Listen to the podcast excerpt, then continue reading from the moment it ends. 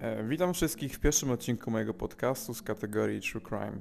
Tematyką podcastu będą zbrodnie z Europy, w tym sprawy z naszego polskiego podwórka. Jeśli chodzi o moją osobę, to nazywam się Mateusz Pressler, mam 26 lat, a na co dzień mieszkam na Islandii. Jestem miłośnikiem podcastu o tematyce kryminalnej, dlatego postanowiłem spróbować własnych sił w tym temacie. Zachęcam Was wszystkich do subskrypcji mojego kanału, jestem niewinny. Po tym krótkim sobie wstępu zapraszam do wysłuchania pierwszego odcinku o zbrodni, która wstrząsnęła całą Wielką Brytanią i która nigdy nie powinna się wydarzyć.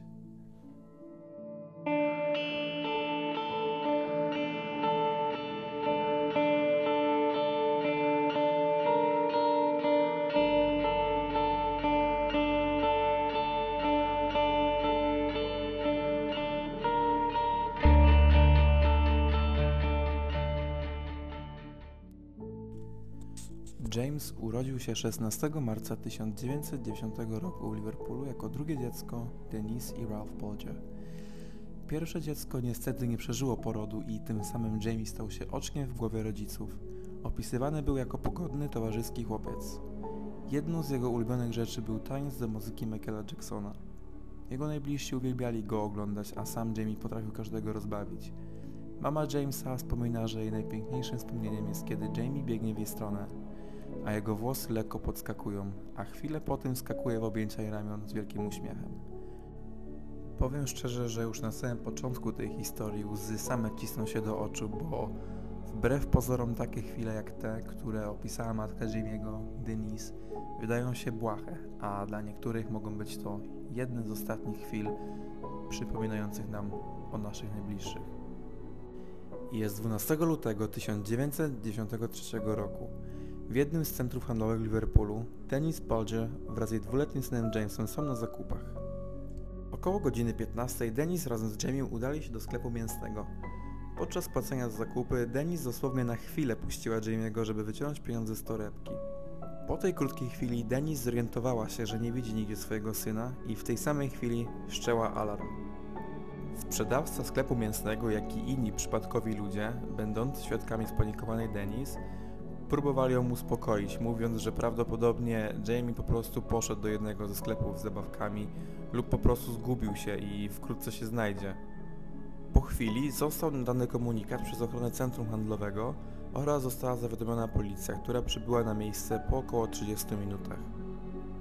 Policjanci, którzy przybyli na miejsce, zaczęli wypytywać Denis o wygląd Jamesa, jakie ma na sobie ubrania, jakiego jest wzrostu, jednak Denis była w tak ciężkim szoku, że nie była w stanie odpowiedzieć na pytania policjantów, powtarzając cały czas, że James nigdy sam z siebie by nie odszedł. Policjanci na początku jako najbardziej prawdopodobną wersję zniknięcia przyjęli, że James po prostu poszedł do któregoś ze sklepów lub zaczął bawić się z innym dzieckiem, co według nich zdarza się dość często. Natomiast roztrzęsiona Denis była pewna w 100%, że coś złego musiało się stać. Po dwóch godzinach od zaginięcia funkcjonariusze zaczęli być przychylni wersji mamy Jamesa, jako że w galerii nie było śladu po małym chłopcu. Jedną z pierwszych rzeczy, jaką zrobili policjanci, gdy było już jasne, że coś złego się stało, było przeglądanie kamer zainstalowanych w centrum handlowym. Nagrania z kamer pokazały, że tak naprawdę między wyjściem Jamesa ze sklepu mięsnego a wyjściem spanikowanej Denis minęła dosłownie minuta. W czasie, kiedy roztrzęsiona Denis próbowała znaleźć Jamesa w najbliższej okolicy, on kilka minut później był już na drugim piętrze centrum handlowego. Zastanawiające dla policjantów było to, że Jamie nie był sam, a w towarzystwie dwóch młodych chłopców. Jeden trzymał go za rękę, a drugi kierował całą trójkę ku wyjściu z galerii. Policja przez następne godziny przeszukiwała centrum handlowe, jak i okolice, jednak nie przynosiło to żadnych efektów. Po 19 godzinach od zaginięcia chłopca, policja zdecydowała się na konferencję prasową. Rodzice Jamesa na tejże konferencji błagali, żeby każdy, kto ma nawet najmniejszą wiedzę o tym, co mogło się stać, odezwał się do policji. Każda najmniejsza informacja lub poszlaka były na wagę złota. Policjanci podczas konferencji również pokazali część nagrania z kamer, na którym widać Jamesa w obecności dwóch niezidentyfikowanych chłopców. Odnośnie jeszcze tych nagrań, to zapomniałem wspomnieć, że były one w bardzo złej jakości, a informacje, jakie udało się ustalić na temat tych chłopców, to to, że byli oni w wieku około 13 lat i byli biali. Dzięki tym ustaleniom policja zaczęła przesłuchiwać 60 chłopców zamieszkałych w okolicy centrum handlowego i byli oni w wieku od 13 do 15 lat, bo taki wiek początkowo zakładano. Wszystko to było bardzo zastanawiające i dziwne, bo co dwaj młodzi chłopcy chcieliby od dwuletniego Jamesa. To, że możliwymi porywaczami okazały się tak młode osoby, chociaż ciężko było na początku śledztwa nazwać ich porywaczami, to dawało to nadzieję, że James odnajdzie się niedługo cały i zdrowy. Tuż po odbytej konferencji prasowej otrzymano wiele zgłoszeń od możliwych świadków, którzy widzieli Jamesa. Wielu z nich twierdziło, że widziało go w towarzystwie dwóch chłopaków w okolicach kanału liverpoolskiego. W związku z tą informacją policja wszczęła dokładne przeszukiwanie tego terenu. W poszukiwania zaangażowano ponad 100 funkcjonariuszy. Do akcji poszukiwawczej wzięli udział również nurkowie, którzy sprawdzali okoliczne kanały, jednak żadne z tych działań nie przynosiło żadnych efektów. Od zaginięcia Jamesa minęły dwa dni i tym samym jest 14 lutego 1993 roku. Przypomnę tylko, że James zaginął po południu 12 lutego. Tego dnia nastąpił przełom w sprawie zaginięcia. Na posterunek policji w Walton, dzielnicy Liverpoolu, wbiegł młody chłopak, który oznajmił, że on i jego koledzy znaleźli ciało dziecka na torach. Znajdowało się to 300 metrów od najbliższego posterunku policji, natomiast około 4 km od miejsca porwania chłopca, więc był to dość spory dystans. Natychmiast po otrzymanej informacji policja udała się na skazane miejsce. Jak się okazało, faktycznie znajdowało się tam ciało chłopca. Policjanci, którzy przybyli na miejsce doznali szoku. Miejsce znalezienia zwłok, jak i same zwłoki były w masakrycznym stanie.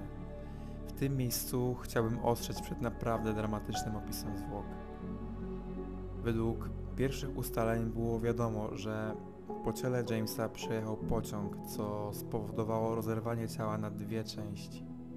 Pomimo tego, że po chłopcu przyjechał pociąg, to od razu wiadomo było, że doznał też innych urazów, które wskazywały, że nie był to nieszczęśliwy wypadek. James doznał w sumie 42 obrażeń, w tym 22 obrażeń głowy. Do większości zadanych obrażeń użyto cegieł i kamieni, ale nie tylko. Czytając szczegółowo o tej zbrodni, a teraz opowiadając o niej, po prostu nie mieści mi się to wszystko w głowie. W lewym oku Jamesa znajdowała się niebieska farba modelarska. I z tego co podpowiada internet, jest to farba w takich małych buteleczkach z dozownikiem. W ustach znajdowały się baterie oraz według policji baterie te mogły być również umieszczone w odbycie chłopca. James został również uderzony 10-kilogramowym kawałkiem metalu, który był częścią szyn. Patolog zajmujący się sprawą stwierdził 10 pęknięć czaszki i tak naprawdę ciężko było powiedzieć, który cios był śmiertelny. Policja również nie wykluczała wykorzystania seksualnego, ale tu nie będę się zagłębiał w szczegóły, bo po prostu ciężko się o tym czyta, a co dopiero o tym opowiadać. Policja zwróciła się jeszcze raz z prośbą o pomoc w identyfikacji dwóch chłopców. Każdy, kto miał jakąkolwiek informację na ten temat, proszony było o kontakt z policją. Łączna liczba osób, które widziały Jamesa to 38. Żadna z tych osób nie zrobiła wystarczająco dużo, aby zapobiec tragedii. Jedna kobieta, która minęła Jamesa w towarzystwie dwóch chłopców, zeznała, że widziała jak chłopiec płakał, jednak ze względu, że był w towarzystwie dwóch młodych chłopaków, myślała, że są to jego bracia i nic poważnego mu nie zagraża. Inna kobieta powiedziała, że również widziała płaczącego chłopca wołającego mama. Zaczepiła ona tych dwóch starszych chłopców, chcąc dowiedzieć się, co się dzieje. Chłopcy odparli, że znaleźli zagubionego Jamesa i właśnie odprowadzają go na policję. Kobieta powiedziała, że sama odprowadzi go na policję, jednak finalnie do tego nie doszło. W dzień odnalezienia ciała pewna kobieta po obejrzeniu wiadomości, w których puszczone było nagranie z kamery oraz apel policjantów odnośnie pomocy w identyfikacji dwóch chłopców, zadzwoniła na policję twierdząc, że kojarzy wspomnianą dwójkę. Wspomniana dwójka chłopców to 10-letni Robert Thompson oraz 10-letni John Venables. Jak się wkrótce okazało, byli znani z uciekania ze szkoły i z bycia problematycznymi uczniami. Na samym początku poszukiwań założono, że poszukiwani chłopcy to osoby w wieku od 13 do 15 lat. Dlatego policja nie mogła uwierzyć, że poszukiwani chłopcy są jeszcze młodsi niż zakładano. Robert Thompson dorastał w Walton, niedaleko miejsca, gdzie James został zamordowany. Mieszkał ze swoją matką i dwoma młodszymi braćmi. Ojciec Roberta zostawił rodzinę dla innej kobiety, jednak zanim do tego doszło, znęcał się psychicznie i fizycznie nad matką chłopca, czego Robert był często świadkiem. Odnośnie jeszcze matki chłopca, to dodam, że sama też dorastała w rodzinie, gdzie była bita przez własnego ojca.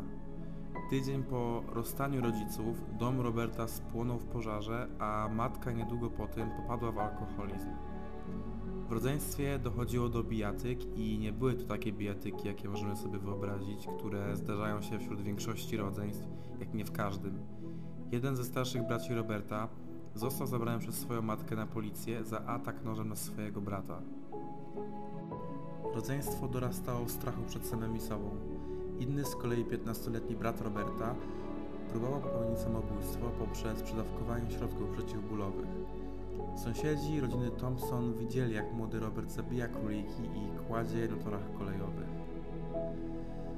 W szkole Robert był dzieckiem agresywnym i uciekał z zajęć. Nie miał żadnych kolegów oprócz Johna, ale o nim powiemy sobie za chwilę.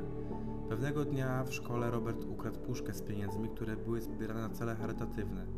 Sprawiał ogromne problemy wychowawcze. Drugi z zatrzymanych chłopców to wcześniej wspomniany John Venables. John dorastał z dwójką John starał się za wszelką cenę zdobyć choć trochę uwagi rodziców, choćby poprzez naśladowanie napadów złości, jak u jego starszego brata. Jednak to nie pomagało. Rodzice chłopca nie tworzyli szczęśliwego związku i rozstali się, co też miało wpływ na późniejsze zachowanie Johna. W szkole był wyśmiewany ze swojej wady wzroku, jaką był zes. Sprawiał też dużo problemów wychowawczych. Pewnego dnia próbował udusić innego ucznia linijką. Kilka razy zmieniał szkołę, zanim trafił do tej, w której poznał swojego jedynego kolegę, Roberta Thompsona. Obaj szybko nawiązali dobry kontakt i razem czuli się silni i odważniejsi. Byli znani z terroryzowania innych dzieci. Jak już wcześniej wspomniałem, często wagarowali i kradli w lokalnych sklepach. Ich zachowanie zostało zauważone przez nauczycieli i dyrekcję szkoły oraz próbowano ich trzymać z daleka od siebie, jednak nauczyciele nie mogli zrobić nic, kiedy obaj uciekali ze szkoły. Podczas zatrzymania chłopców policja nadal nie mogła uwierzyć, że są oni zamieszani w zabójstwo Jamesa. Pomimo tego, że wszystko na to wskazywało, to próbowali szukać jeszcze innych podejrzanych, jednak to nie przynosiło efektów. Również ludzie obserwujący sprawę na początku nie za bardzo wierzyli w to, że dziesięcioletni chłopcy byliby w stanie zrobić coś takiego i zdarzyło się, że padały negatywne słowa w kierunku policji. Wracając jeszcze do momentu zatrzymania. Policja zabrała Johna i Roberta do dwóch osobnych posterunków policji i nadała im pseudonimy A i B. Od razu pobrano próbki krwi, włosów i paznokci. Żaden z prowadzących sprawę policjantów nigdy nie spotkał się z taką sytuacją, że podejrzanymi były dzieci. Na wstępie próbowano zadawać pytania, żeby upewnić się, że chłopcy wiedzą co się stało oraz trzymają pojęcie co jest dobre, a co złe. Jeden z policjantów zapytał Roberta, czy zabicie kogoś jest dobre czy złe. Robert odpowiedział przecząco. Prowadzący przesłuchanie zauważyli znaczące różnice między dwoma chłopcami. John histeryzował i był bardzo przestraszony podczas przesłuchania. Zalewał się łzami na myśl, że może pójść do więzienia. Robert z kolei zachowywał spokój. Podczas drugiego przesłuchania zarówno Robert, jak i John przyznali, że byli w centrum handlowym tego dnia i oboje widzieli chłopca, a ich zeznania były spójne. Przełomowym momentem w celu upewnienia się, że policja zatrzymała odpowiednich podejrzanych było to, jak Robert z najmniejszymi szczegółami potrafił opisać ubiór i wygląd Jamesa. Innym zaskakującym zachowaniem podejrzanych, tym razem Johna, było zapytanie, czy możliwe jest wykrycie odcisków palców na ludzkiej skórze. Wiadomo było od razu, że kryło się za tym coś więcej, a John nie pyta bez powodu. Chłopcy po czasie przyznali się, że zabrali Jamesa z centrum handlowego, jednak zaczęli obwiniać siebie nawzajem. Robert powiedział, że owszem uczestniczył w porwaniu Jamesa, jednak po drodze zostawił Johna z Jamesem, a sam wrócił do domu. Z kolei John stwierdził, że to Robert zrobił wszystko sam, a on próbował go namówić, żeby nie zrobił żadnej krzywdy Jamesowi. Po przesłuchaniach chłopców, po oględzinach miejsca zbrodni i po obdukcji Jamesa, policja miała już wstępne ustalenia co do przebiegu wydarzeń. Pierwotnym planem Johna i Roberta było porwanie jakiegoś dziecka z centrum handlowego i wypchanie go pod koła samochodu. Jednakże po porwaniu Jamesa ich plan nie poszedł zgodnie z tym, co zakładali i przeszli z Jamesem aż 4 km w stronę torów kolejowych. Kiedy było już wiadomo, że mordercami Jamesa był Robert i John, ludzie nie potrafili uwierzyć przez to, że wyglądali tak młodo i niewidnie. Jednak nie powstrzymało to protestów, jakie miały miejsce w dniu rozprawy sądowej. Pod sądem zebrał się tłum ludzi wykrzykujących różnego typu obelgi w stronę oprawców. Złość wśród ludzi była tak ogromna, że policja musiała interweniować, aby nie doszło do linczu. Rzucano kamieniami w stronę policyjnych radiowozów, których przewożeni byli oskarżeni. Podczas samej rozprawy sądowej wezwano 38 świadków, którzy obwiniali siebie nawzajem, że nie zrobili nic, aby zapobiec tragedii. Dowodów na winę Roberta i Johna było kilka. Przede wszystkim krew Jamesa znajdowała się na ubraniach oskarżonych. Ponadto udowodniono, że rodzaj uderzeń na twarzy Jamesa i pozostawione po nich ślady pasują do butów chłopców. Farba, która została wlana do oczu Jamesa, również została odnaleziona na ubraniach obu chłopców. 24 listopada 1993 roku, czyli 8 miesięcy po dokonaniu zbrodni, sędziowie ogłosili, że zarówno John, jak i Robert są winni zarzucanych im czynów i zostali skazani na minimum 8 lat. Z tego co się orientuję, to wyrok może zostać zmieniony, jeśli zostanie stwierdzone, że odbywający karę potrzebują więcej czasu na resocjalizację. Z czasem próbowano podnieść czas odsiadki nawet do 15 lat, jednak po apelacji ze strony Johna i Roberta do Europejskiego Trybunału Praw Człowieka został utrzymany wyrok w wysokości 8 lat. Obydwaj opuścili mury zakładu poprawczego 22 czerwca 2001 roku. Aby zachować anonimowość, otrzymali nowe dane osobowe. Miało to na celu chronić ich przed możliwymi atakami. Swoją drogą, ojciec Jamesa do dziś domaga się, aby nowe dane osobowe zostały ujawnione, ale o tym wspomnę nieco później. Zgodnie z nakazem sądu, temu, kto ujawni nowe dane osobowe Roberta i Johna, grozi pozbawienie wolności do dwóch lat. Po kilku latach od zakończenia kary, a dokładnie w 2008 roku, John został aresztowany po tym, jak uczestniczył w bójce. Niestety John w dorosłym życiu podążył kryminalną drogą, przez co mogły i mogą ucierpieć inne niewinne dzieci. Znaleziono przy nim wówczas narkotyki, a dokładnie kokainę. Dwa lata później John trafił za kratki w wieku 27 lat za posiadanie i rozpowszechnianie dziecięcej pornografii. Tym razem za kratkami miał spędzić 3 lata. W 2017 został aresztowany znowu za posiadanie dziecięcej pornografii i trafił do więzienia na 3,5 roku. Dane osobowe Johna zostały zmieniane aż 3 razy, przez to, że będąc pijanym nie krył się z tym, kim był w przeszłości. Podczas odsiadki w więzieniu w 2018 roku jeden ze współwięźniów zaatakował Johna wrzątkiem po tym, jak odkrył jego prawdziwą tożsamość. W jednych ze źródeł znalazłem, że John prosił o operację plastyczną po tym, jak zdjęcia z jego wizerunkiem wyciekły do internetu. W roku 2018 ojciec Jamesa wniósł wniosek do Sądu Najwyższego, aby ten pozbawił Johna anonimowości. Wyrok sądu w sprawie pozbawienia Johna anonimowości nie jest jeszcze znany, ale sama matka zamordowanego Jamesa przyznała, że lepiej by było, gdyby tą anonimowość zachował, bo jeśli jego dane zostaną ujawnione, może dojść do linczu. Jeśli chodzi o Roberta Thompsona, to po odbyciu kary, tak samo jak John, otrzymał nowe dane osobowe, jednak w przeciwieństwie do Johna nie popełnił dotychczas innych zbrodni. Według jednego źródła Robert przebywa nadal w Wielkiej Brytanii i jest w związku z mężczyzną, który zna jego prawdziwą tożsamość, ale nie wydaje mi się, żeby to była potwierdzona informacja. James Badger miałby dzisiaj 31 lat. Rodzina do dziś żyje wydarzeniami z przeszłości, a James odgrywa nadal dużą część w ich życiu. Matka Jamesa, Denise, wydała nawet swoją książkę o wydarzeniach sprzed 25 lat, aby upamiętnić swojego syna. Rodzice Jamesa po zakończeniu procesu rozstali się. Oboje przeżywali żałobę w inny sposób. Ojciec chłopca, Ralph, popadł w alkoholizm i obwiniał swoją żonę za to, co się stało. Powstało wiele programów, zarówno telewizyjnych, jak i radiowych, na temat zabójstwa Jamie'ego i jego oprawców. Podczas jednego programu radiowego słuchacze telefonowali do radia i podczas emisji na żywo wypowiadali się na ten temat. Zdecydowana większość domagała się surowszego ukarania chłopców. Jeden ze słuchaczy powiedział: Powinni zostać zamknięci do osiągnięcia pełnoletności, a następnie powieszeni. I to już koniec tej smutnej historii. Mam nadzieję, że zostaniecie ze mną na dłużej, bo już niebawem pojawi się odcinek o zbrodni, która wstrząsnęła całą Polską kilka lat temu.